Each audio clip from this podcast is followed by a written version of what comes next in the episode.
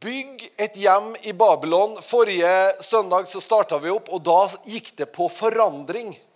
Gikk på det å stille seg tilgjengelig for å være med og skape forandring. Og nettopp det at du og jeg er tilgjengelig med det nærværet som fins over våre liv, til å bringe det inn eh, i ulike sfærer i samfunnet, ulike arenaer og sånn. Nå er det valg.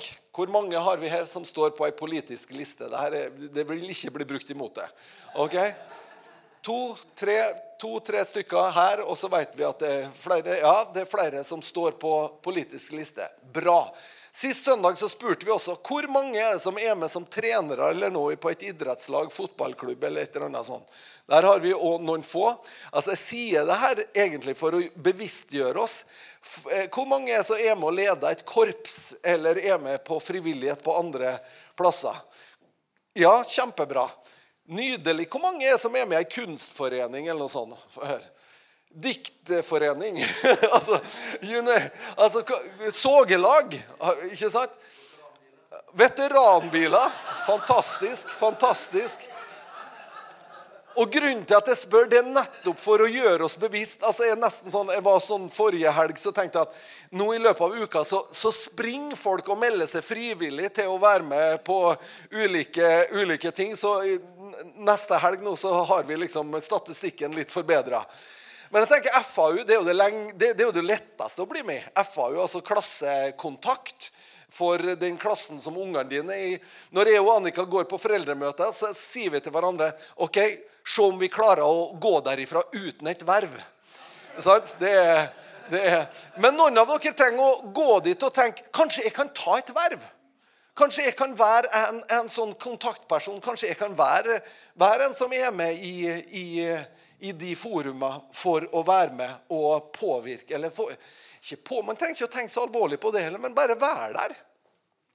Altså Bare være der med ditt nærvær, med ditt blide åsyn og med den ånd som bor i det. Ok, så Sist så hadde vi litt om forandringer og det å skape forandringer. og Da sa vi også at du kan aldri forandre noe du ikke er en del av. Hvis vi ønsker å se en forandring i det samfunnet vi, av, eh, eh, vi bor i, så må vi også være en del av det samfunnet. Sant? Vi kan ikke stå på utsida og rope inn til samfunnet.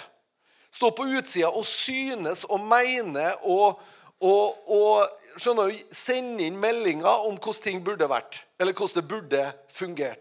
Nei, det fungerer ikke sånn. Det fungerer sånn at vet du, vi går inn, vi tar del, vi er sammen med. Vi kjenner på pulsen det samfunnet er en bærer av. ikke sant? Og da kan vi være med og få visdom til å bringe forandringer. Sant?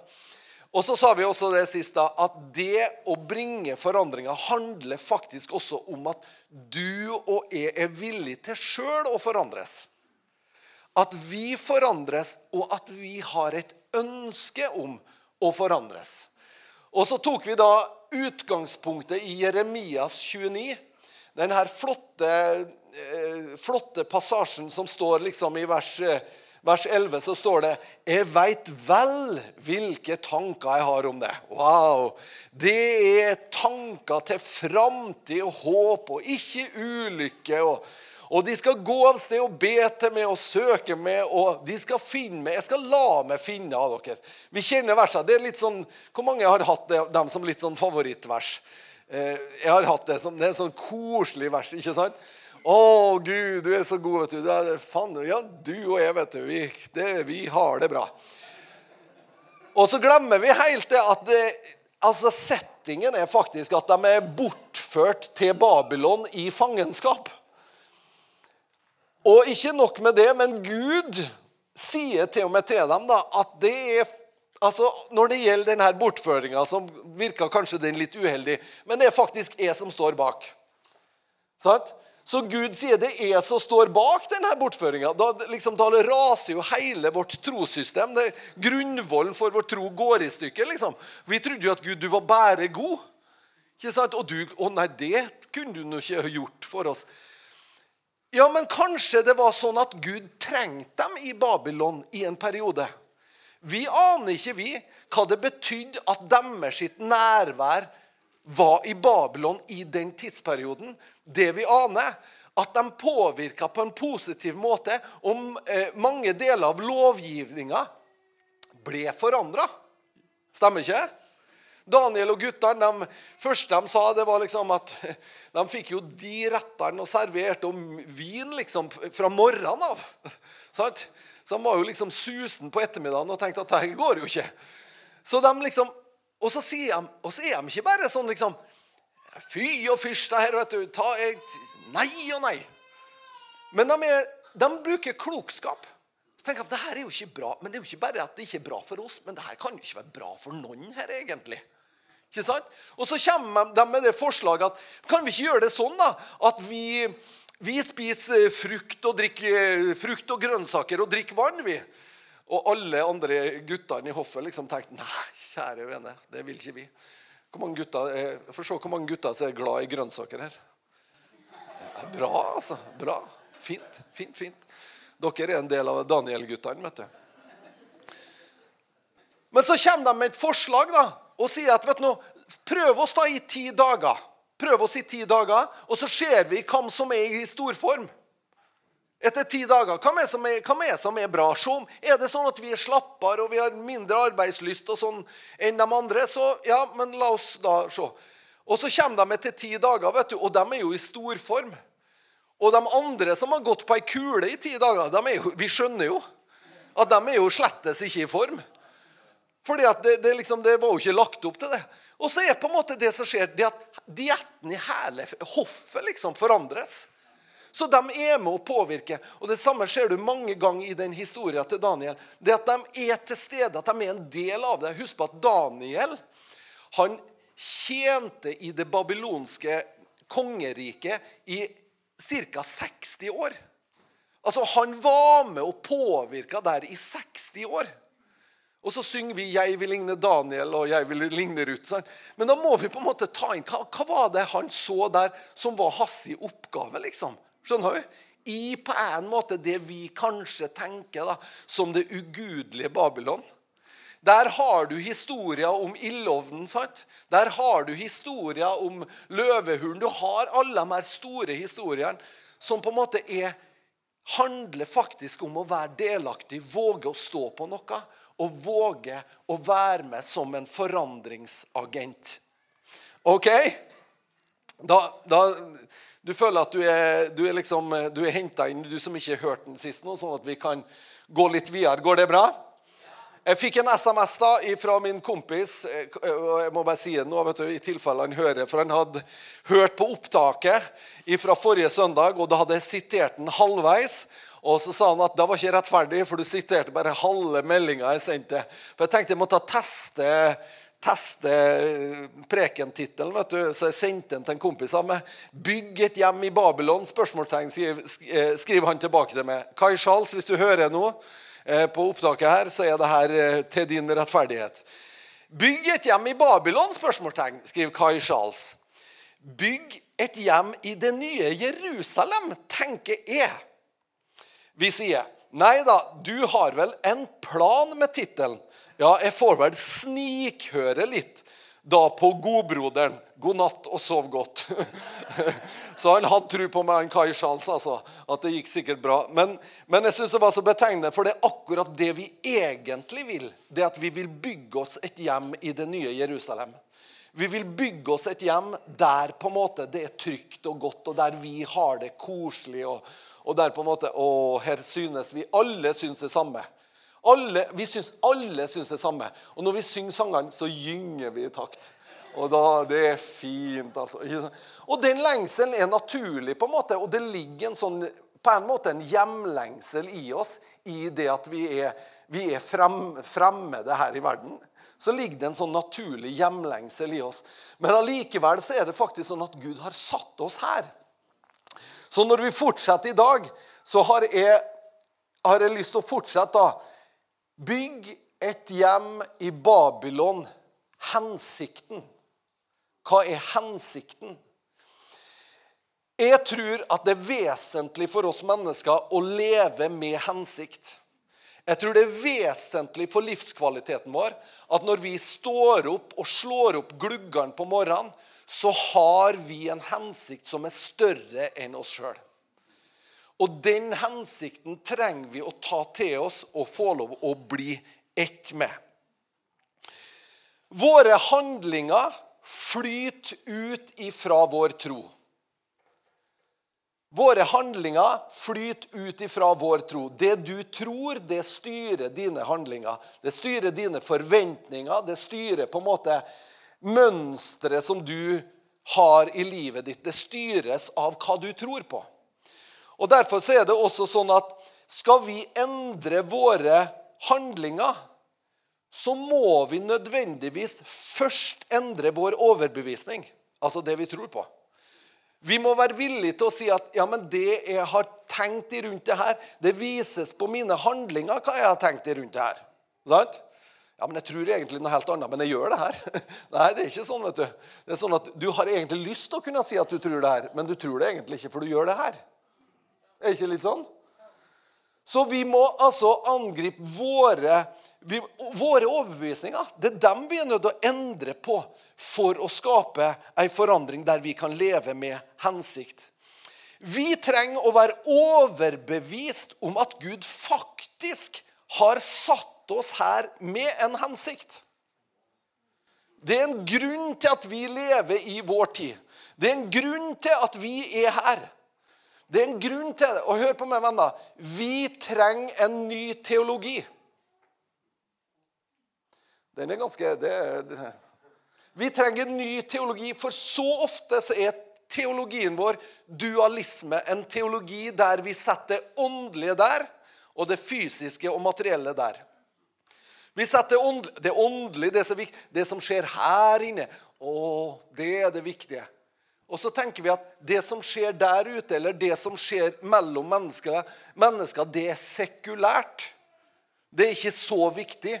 Og den dualismen den på en måte preger handlingene våre. Sånn at vi sier sånn underbevisst så sier vi at 'Å, er du predikant, du, ja?' Og, 'Ja, men jeg er bare taxisjåfør, skjønner du.' Sånn? Altså Ubevisst så setter vi på en måte noe som har et åndelig fortegn, det setter vi over. Og så setter vi det andre under og sier at det er mindre viktig. Men sier Bibelen det? sier Bibelen at det Han sier jo det at ja, den som vil være en forstander, han, det er en god ting han vil. Sant? Men sånn er det jo samme hva du vil hvis du er kalt til det. Og hvis du bærer av Guds ord, så spiller det ingen rolle hva du er kalt til. Men det er faktisk en god ting å følg det du er kalt til, og lev med hensikt i det du er kalt til. Det vil være en god ting, samme hva du er kalt til. Ja, men Hvis du vil være politiker, ja, men du, det er en god ting, det. For det betyr jo at du vil være med å ta et samfunnsansvar. du vil være med, skjønner du? Det er en god ting du vil. Så Derfor så må vi skifte teologi. For at bare la meg spørre deg. Hvis vi tenker oss da at Jesus kommer, og vi har hørt undervisning om at Jesus kommer, og så blir det tusenårsriket. Tusenårsriket høres bra ut, gjør ikke Da tar vi fram lighteren, alle mann. sant? Da er tusenårsriket oh. Men hvor mange av dere forventer at tusenårsriket det kommer til å altså hvis, Eller himmelriket, eller hva du nå tenker. Hvor mange av oss er som forventer at ah, det blir som et salig stort møte? liksom? Og så, når vi, når vi, kommer ut av møtet, så er det kaos. og da er liksom, ja, det er kaos. Men det blir så salig for at Jesus er her. Altså, I hvert fall så er jeg sånn sammenskrudd at jeg forventer meg at når Jesus kommer med sitt rike, så blir det ordning på mye annet òg. Det er ikke liksom bare den åndelige atmosfæren som og da blir Da vet du, da svinger vi i takt. Men vi, har vi ikke en forventning om at også altså Jeg er litt sånn, jeg skal ikke si det høyt, men altså jeg tror det med, med klimaforandringer Jeg tror Jesus har noe ess i erma der òg. Jeg er på en måte ikke superurolig. Nå er jo ikke det politisk korrekt å si, men litt sånn er det. Jeg tenker at Han har vel oversikten over det. Det, det, har i hvert fall vanskelig for å tro det at, at Nei, der gikk visst jorda under, ja. Jesus, hva skjedde når Gud i himmelen liksom, Helion, hva, hva, hva, Og gikk under? Nei, det, og klima Det har ikke vi tenkt på, vi. Hæ? Vi har ikke peiling på det. Ozonlag Å, nei, var det nå de Åh. Vi missa altså, Ja, OK. Jeg skal ikke dra den lenger. Men bare forstå meg. jeg tror det for, Forvalterskap er veldig bra. da. At vi forvalter, det tror jeg er veldig bra. Men jeg, men jeg forventer på en måte at når Jesus kommer, så skaper han orden og harmoni på, i alle sfærer. Da vil han fullt ut vise oss hvordan kunsten kan være med å ære Gud. Hvordan kulturen løfter Guds navn, sånn som den har gjort opp gjennom historien. Tenk på alle de klassiske verkene som var skrevet til Guds ære. Tenk på alle de malerier som er, som er malt på en måte for å ære Gud. Hvis vi tenker på den bortkomne sønnen, hvis du tenker på bildet av den bortkomne sønnen som eh, Nå husker jeg ikke navnet engang. Hva er som det kjente bildet av den bortkomne sønnen? Har vi noen kunstinteresserte her? Ja. Michelangelo med Emmausvandreren. Altså mange ting som er, som er på en måte Det er bare brakt fram for å gi Gud ære. Og Jesus han vil hjelpe oss å sette det på plass. Og den forventninga kan vi ha. Og når vi har den forventninga, så skjønner vi at det egentlig ikke er plass for å si at det åndelig står foran det fysiske. Det går foran når du skal sette, få ting i orden så må du få det åndelige på plass først. For at Rembrandt Rembrandt hadde vi. Rembrandt, den bortkomne sønnen. Hvis du ikke har sett det eller ikke ser det for deg, det må du se, for det er knallgodt. Så skjønner vi at det er hensikten han har. Hør her nå. Jesus i sin ypperste prestelige bønn, så ber han. Jeg ber ikke ikke om at du skal ta dem ut av verden. Johannes 17, vers 15. Jeg ber ikke om at du skal ta dem ut av verden, men at du skal bevare dem fra det onde. Ser du det? Altså det Jesus sier Jesus erkjenner at i verden så finnes det ondskap.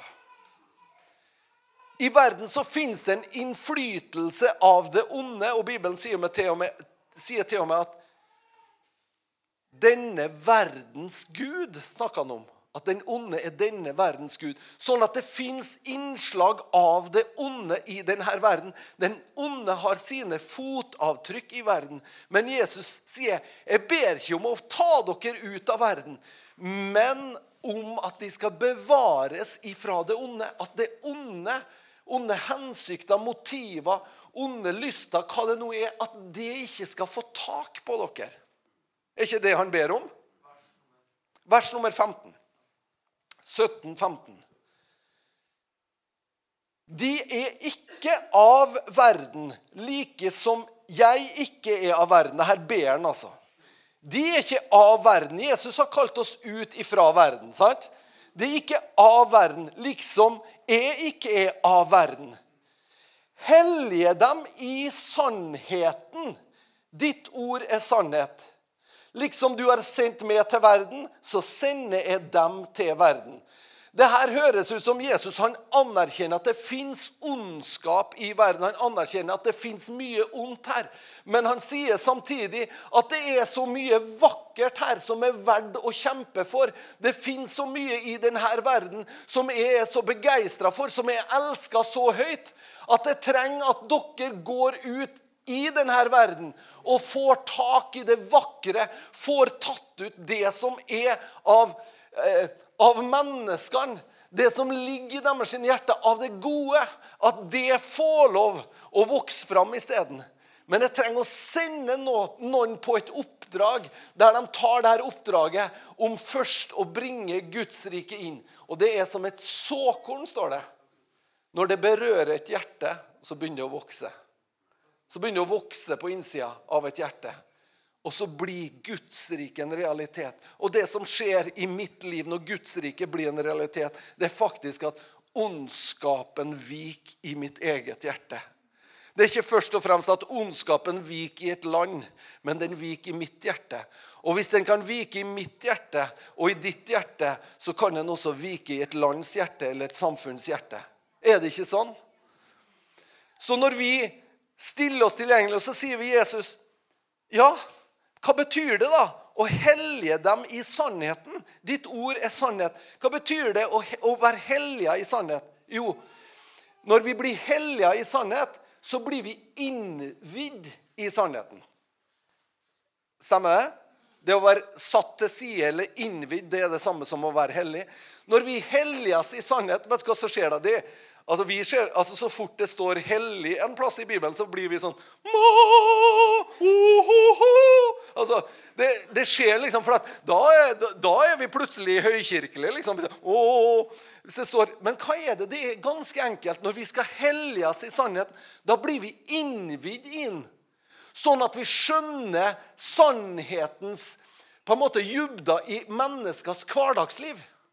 Det blir ikke bare et bud eller en regel eller noe som på en måte vi kan smelle opp. eller noe sånt. Ja, men det står det. Og, så smeller vi det i fleisen på folk. Er du innvidd i sannheten, da skjønner du hvor påvirkning den har for at et liv skal blomstre. For at et liv skal kunne vokse. Vi skjønner Når du er innvidd, når du er hellig i sannheten, så forstår du at det her står ikke bare som et påbud, som et fint forslag. eller noe sånt. Er du hellig i sannheten, da skjønner du kraften i ordet. Og da skjønner du også at vet du, Hvis denne kraften i ordet skal forandre denne verden, så må det først forandre meg. Da må det først forandre meg. Og det, blir krev, det på en måte blir litt krevende for oss troende. For det vil si at vi må speile oss imot sannheten. Og så må vi si og godta til sannheten at greit, jeg godtar at du er autoritet i mitt liv. Mange troende vil si at vi står på ordet. Sant? Vi står på ordet, sier vi. Men det er ikke engang sånn at vi står på ordet satt over oss. vet du. Det er satt over oss. Det er ikke sånn at jeg har autoritet og, og, og velge ut hva av ordet skal vi liksom ta med. Vi må på en måte forholde oss til det. Og så må vi si Gud, hellige meg i det her.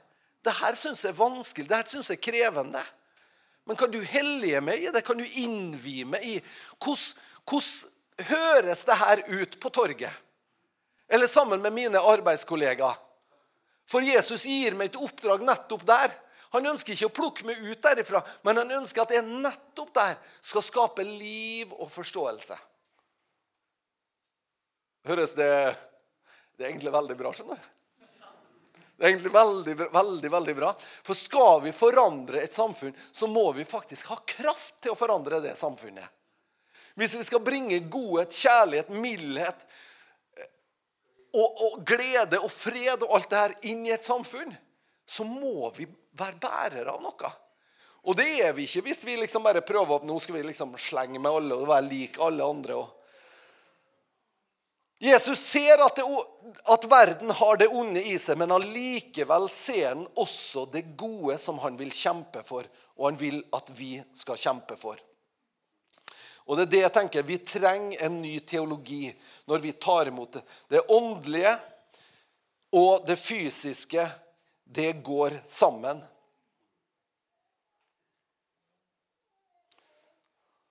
Og bare tenk i ditt eget liv. Er det stor forskjell på dine utfordringer i hverdagslivet og naboen sine?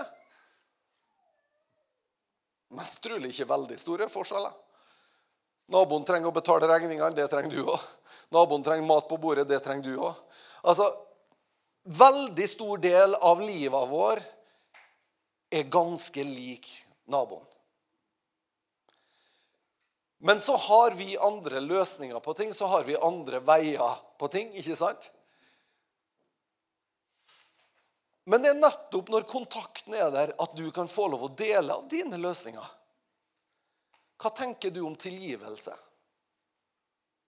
Vet du, det, Bare tilgivelse er en skatt som mennesker trenger.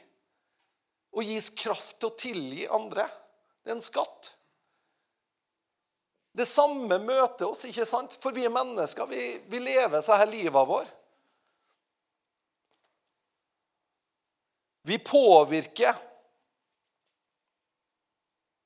Og vi skal påvirke åndelig, sosialt og kulturelt. Hvor mange har hørt dette uttrykket It takes a village to rise a child. Det, betyr, det, det, kreves en landsby for å oppdra et barn. Og Det er et afrikansk uttrykk, og det uttrykker på en måte at det er så mange mennesker som har betydning inn i et barns liv. Om det er en positiv postmann, liksom, så kan det være betydningsfullt for et barn på vei hjem fra skolen. Skjønner du? Altså, det er liksom Alle som taler og løfter inn, er viktig. Og så prøvde vi, vi prøvde oss litt på å lage et eh, nytt uttrykk da, jeg og Annika i dag. It takes a church to impact a city. Det kreves ei menighet, ei kirke, for å influere en by. Det kreves ei kirke for å gjøre det. Hvis vi skal se forandringer, så er det nettopp forandringsagenter vi kan få lov å være. Der det er ikke liksom pastoren og, og, og, og fire til som skal gjøre forandringer. Men det er nettopp det Jesus sier. Han sier at Guds rike er som en surdeig som skjules i noen skjepper med mel, og så gjennomsyrer den. Og gjennomsyre ikke Da blir alle sur. det, er ikke, det er mange kristne som tror det at vår oppgave er å få verden til et surt plass. Alle kan være litt alvorlige. Og, eh, nei, vi gjennomsyrer med det livet som Gud gir. Ikke sant? Ok? Og det vi, det vi satt Vi satt til å være salt som forhindrer forråtnelse. Vi ser resultater av forråtnelse i vår kultur. Forråtnelse er når kjærligheten kalner, det er når på en måte urett blir rett. Det er forråtnelse i et samfunn. Og det er klart det er fristende for oss å gjemme oss, liksom bak innafor våre kirkevegger og sånn, så er det fristende å gjemme oss og bare være der. Men Gud har aldri kalt oss til det. Og det er kanskje nettopp derfor også at samfunnet vårt er der det er i dag.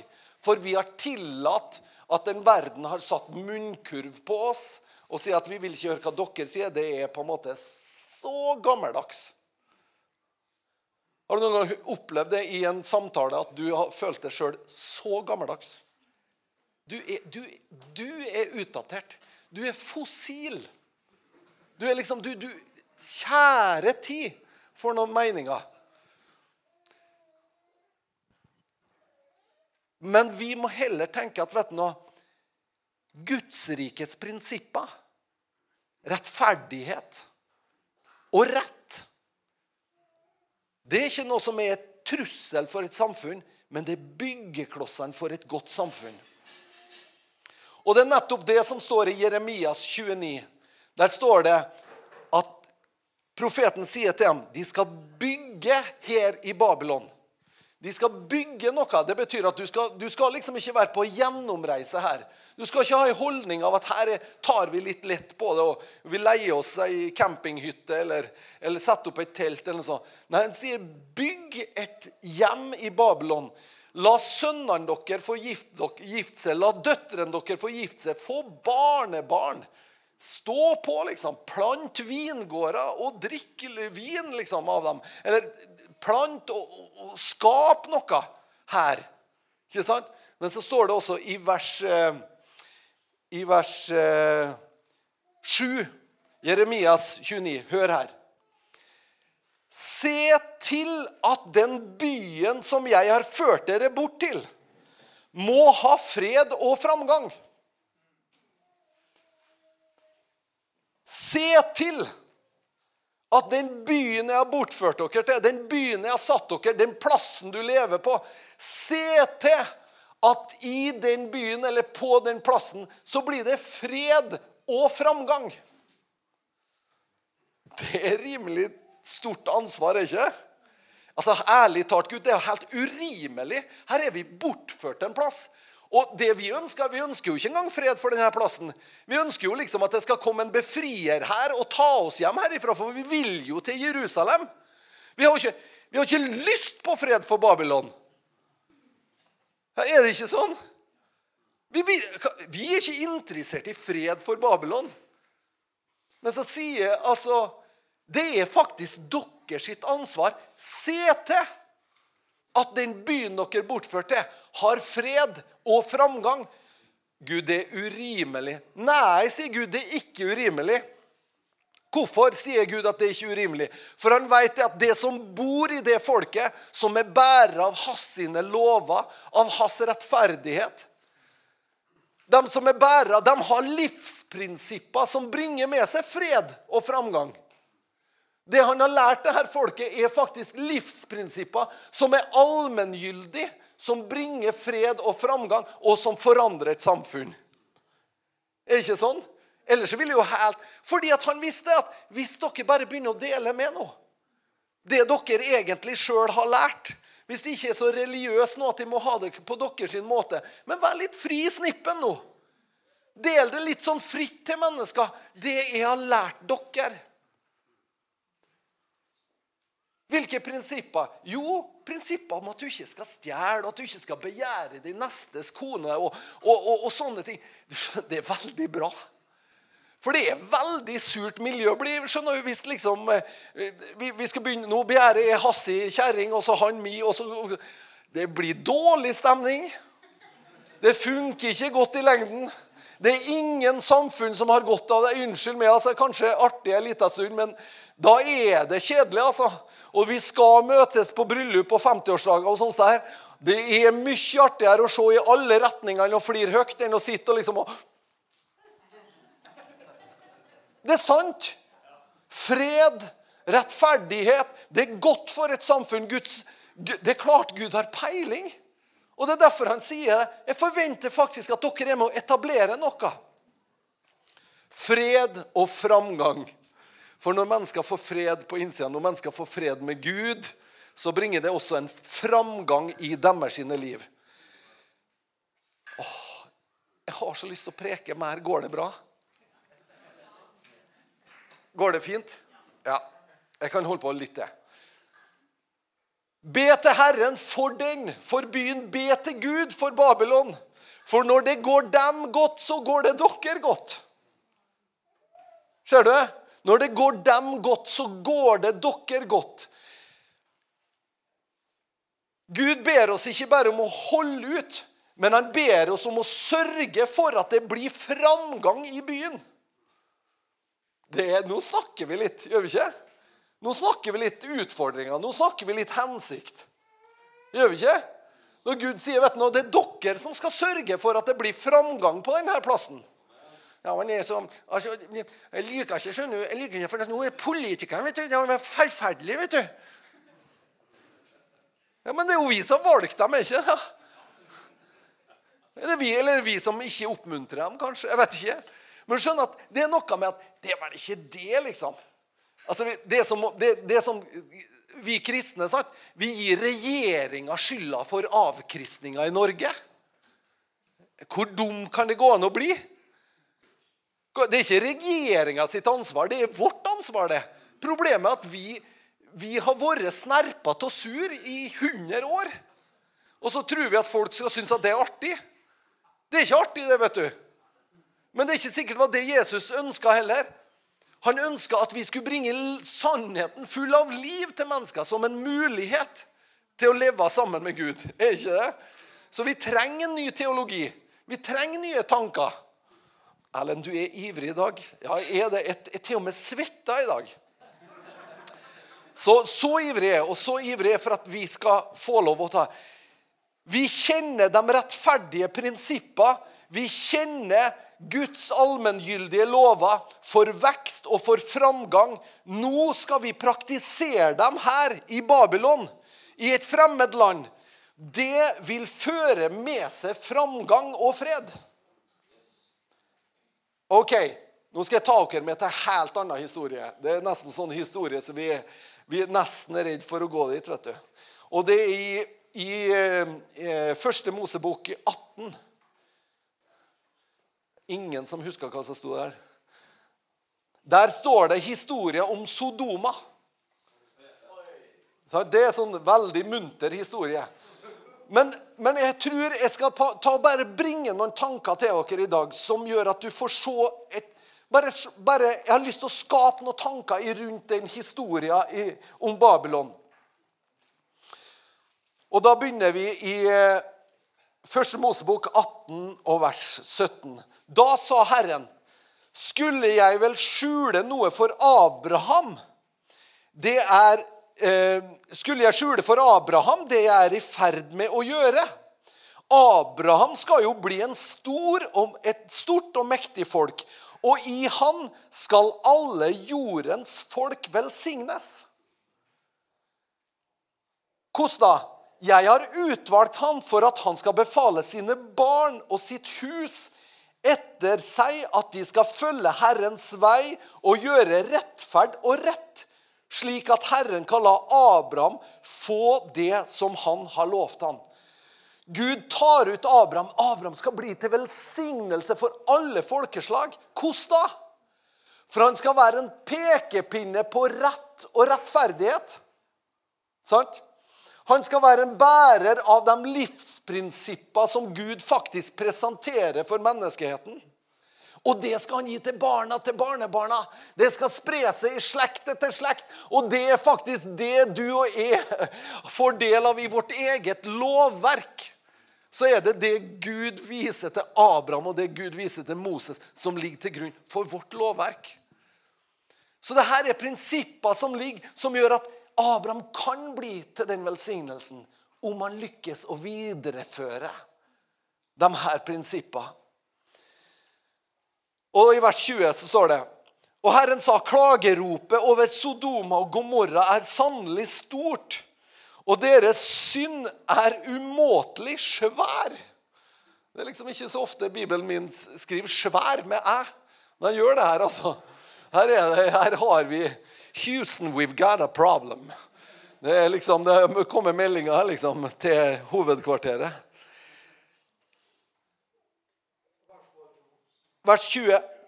Nå vil jeg stige ned og se om de på alle måter har handlet slik som det høres i det ropet som er kommet opp til meg. Og hvis ikke, vil jeg vite det. Hør her, er ikke fantastisk?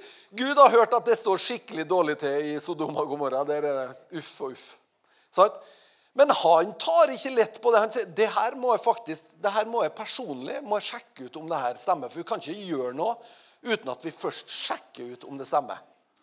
Sant? Veldig koselig historie. Så vendte mennene seg bort og gikk til Sodoma. Altså Han hadde med seg noen engler. da.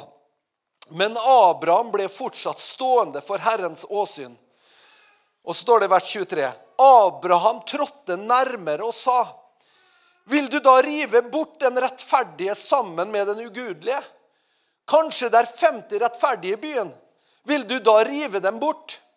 Vil du ikke bære over med stedet for de 50 rettferdiges skyld, som kunne være der?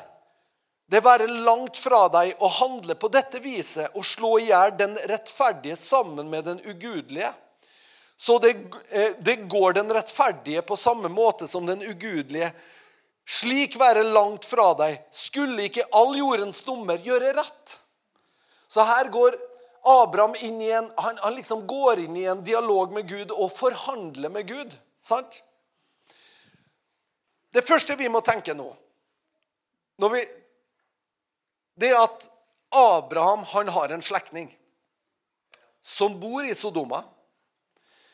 De har flytta fra Urikalidea sammen. Det betyr at de har hatt, vært på reise, de har delt liv, de kjenner hverandre. De har sittet rundt leirbål, de har prata om de samme tingene.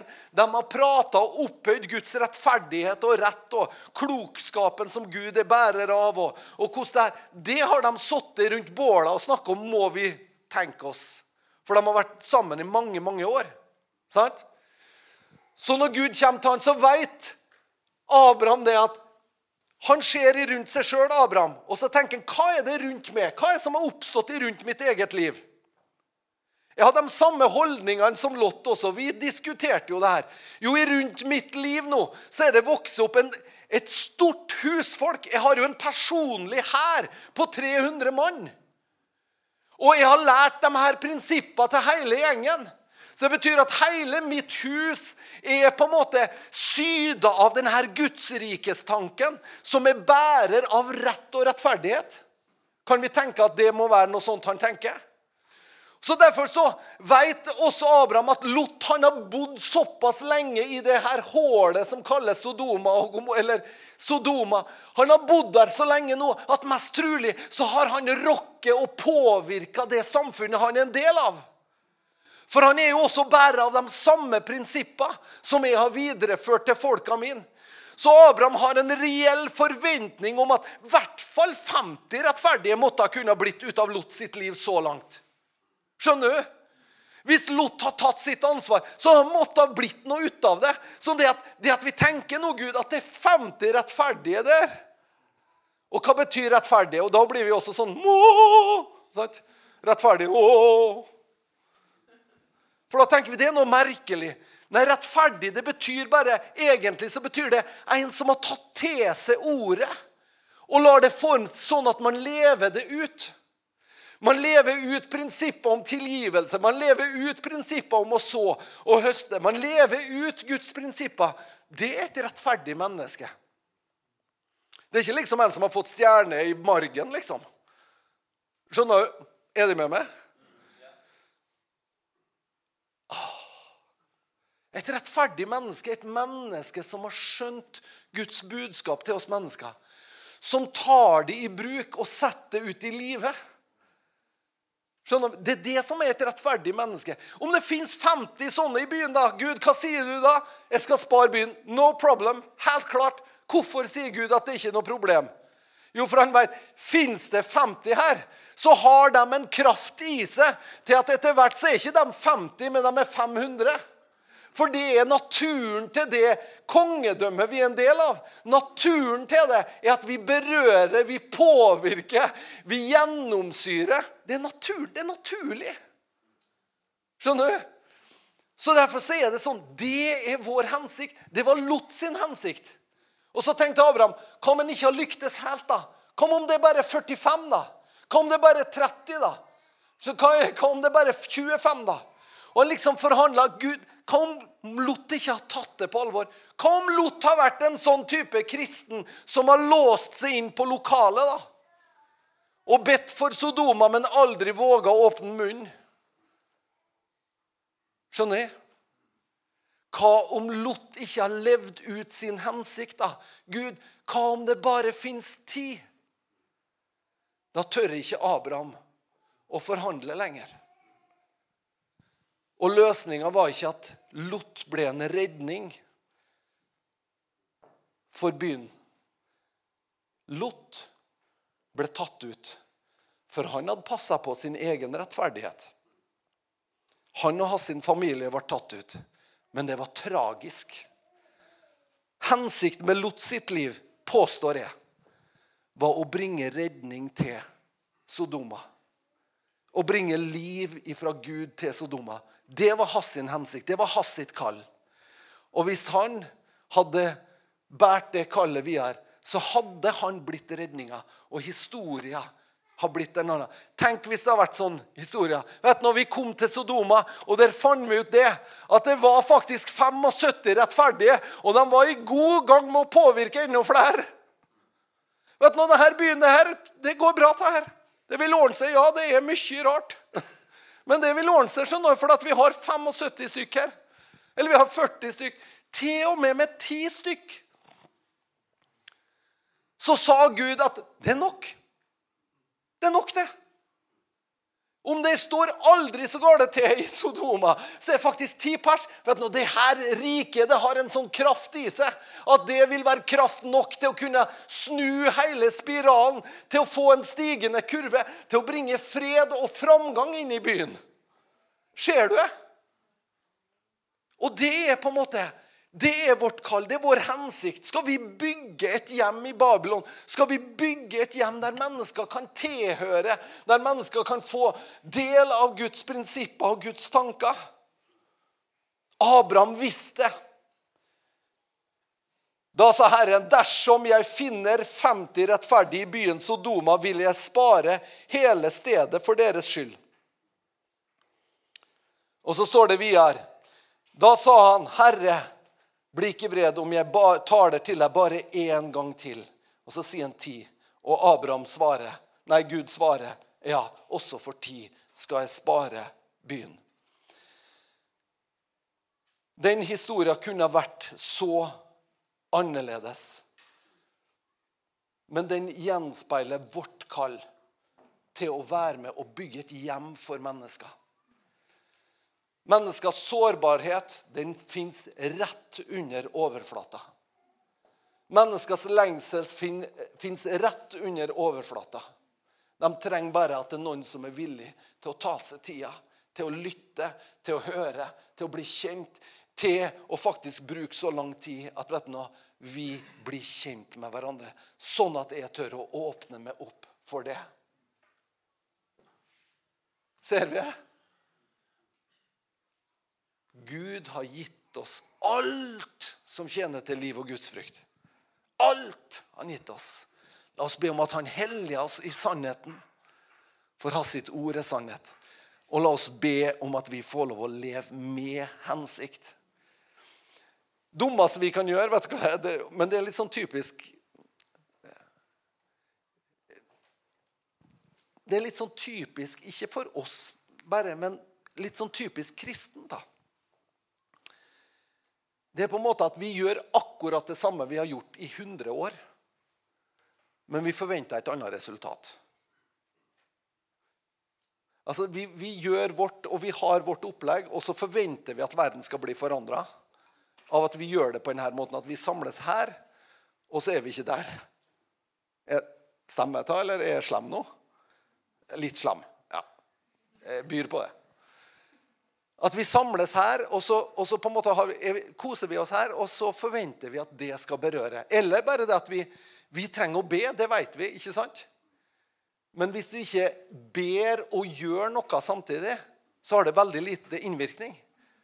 For at vi ber jo, og når vi ber, så får vi ideer, tanker, kreativitet om ting vi kan gjøre. Og når vi da får dem, så går vi og banker på. Sant? Så Derfor er det viktig for oss at du, denne hensikten er vi en bærer av. Og den hensikten, det er ikke nok at Ja, men Erlend, du er bærer av den. Nei, det er ikke nok. Ti rettferdige. Vi er mer enn ti. Vi er mer enn ti. Vi kan påvirke. Og du er en del av det. Jeg skal gå imot landing nå. Nå har de hørt på meg lenge. Men jeg har en skikkelig sånn genuin lengsel etter å se at evangeliet blir allemannseie. Og jeg tror at det er Guds ønske. Han vil at alle mennesker skal bli frelst og komme til sannhetserkjennelse. Det er en erkjennelse av at Gud er så god. Det er en erkjennelse av wow, du har skapt alt så fantastisk. Det er en erkjennelse av at det fins jo ingenting bedre. Når Gud sier etter å ha skapt alt, så sier han at det her, det er veldig, veldig bra. Så skal ikke vi tenke det som kristne at Nei, men det er det åndelige som er bra. Men vi tenker at det Gud har skapt Menneskene som er rundt oss, de er faktisk veldig, veldig bra i Guds øyne. Og det i dem som ikke er bra, ønsker Gud å berøre og helbrede, lege og gjenoppreise til den stand og stilling Gud ønsker å ha oss i. Skal vi stå opp sammen? Og så vil jeg denne søndags formiddagen så vil jeg bare at vi skal ta imot den hensikten som Gud faktisk har for livet vår. At vi kan ta imot og si at vet du noe, Gud, det her er ikke noen andre sitt ansvar. Det her er ikke det er liksom ikke noen andre som skal ta denne eh, ballen videre.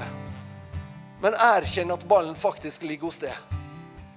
Og så er ikke det at den ligger hos deg, betyr ikke at du er nødt til å finne på noe voldsomt lurt og stort og svært og flott. Men det betyr at når Gud utfordrer deg til å gjøre det sjøl tilgjengelig, så sier du ja. Når han utfordrer det til å være på en plass som kanskje er krevende, som er utfordrende, som ikke er bekvem, så sier du, Jesus, du ba om at jeg skulle bli bevart ifra det onde. Jeg tror du får bønnesvaret. Jeg våger å gå. Sjøl om jeg vet at omgivelsene ikke er kanskje vennlig innstilt, så våger jeg å gå i alle fall. Jeg våger å bevege meg. Vi skal bare ta en stund, og så bare lukker vi øynene våre, og så, og så er vi innenfor Gud. og så... Så er det kanskje sånn at Den hellige ånd har talt til deg, og du er minnet om ting. også. det er så fint, for det, det at Gud minner oss om ting, det er bare at vi får lov å se nesten som er lysbilder inn i framtida av ting som Gud kaller oss til. Lysbilder inn i framtida av det du lengter etter, det du ser. Så kan vi si til Herren at vi tar imot det. Vi tar imot. Vi vil ikke skubbe ansvaret over på noen andre. Vi vil ikke at noen andre skal måtte ta ansvar for det som du har satt oss til å ta ansvar for. Vi takker deg, Herre vi takker, Herre, at vi får lov å tenke dine tanker om samfunnet vi er en del av, om livet vårt sjøl, om vår egen rolle og vår egen hensikt. Jeg ber Helligånd at du skal male det her i tydelige bilder for oss, sånn at vi får se det, og sånn at vi kan ta det videre, og sånn at vi kan gå med det, sånn at det ikke bare finnes noen få rettferdige men det er mange som har erfart dine tanker, prinsipper, dine livsholdninger som er allmenngyldige. Det er mange som har opplevd det. Takk for det, Herre. Takk at du berører oss, Herre. Takk at du tilgir oss, Herre. De gangene vi har latt muligheter gå oss forbi, Herre. De gangene vi, vi kanskje har vært for feige, eller kanskje vårt religiøse sinn har ledet oss i andre retninger, Herre. Hjelp oss, Herre, å kunne være som Sadrak, Mesak og Abednego i Babylon, Herre. Vær oss, hjelp oss du òg, og gjør oss modige, Herre. Og så takker vi deg, Herre, at du er den som tilgir all vår skyld. Du er den som renser oss ifra all urettferdighet. Takk at vi får lov å venne oss til det, Herre. Og så er ikke du sein med din nåde, Herre, men du kommer med en gang, Herre med din nåde og løfte av oss det som tynger. Takk at vi får lov å vende om til det, sånn at vi kan være kar til ærefullt bruk, sånn som det står. Det takker vi for. Vi takker for det. I Jesu navn.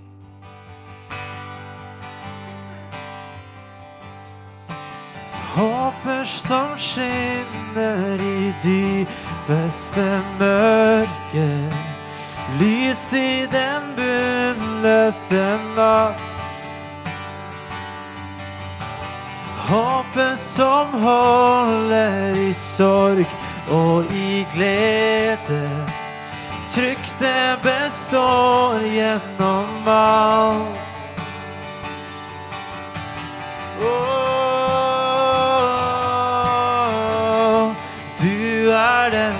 Trenger.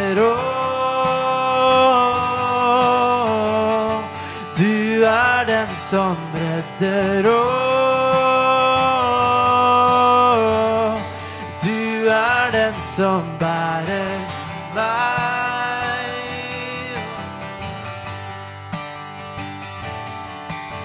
Håpet som kom til å dø for min frihet, vandret den smaleste vei.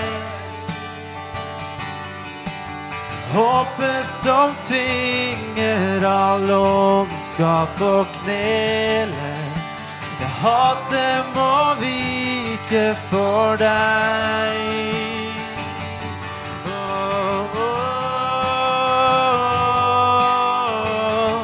Du er den jeg trenger. Oh,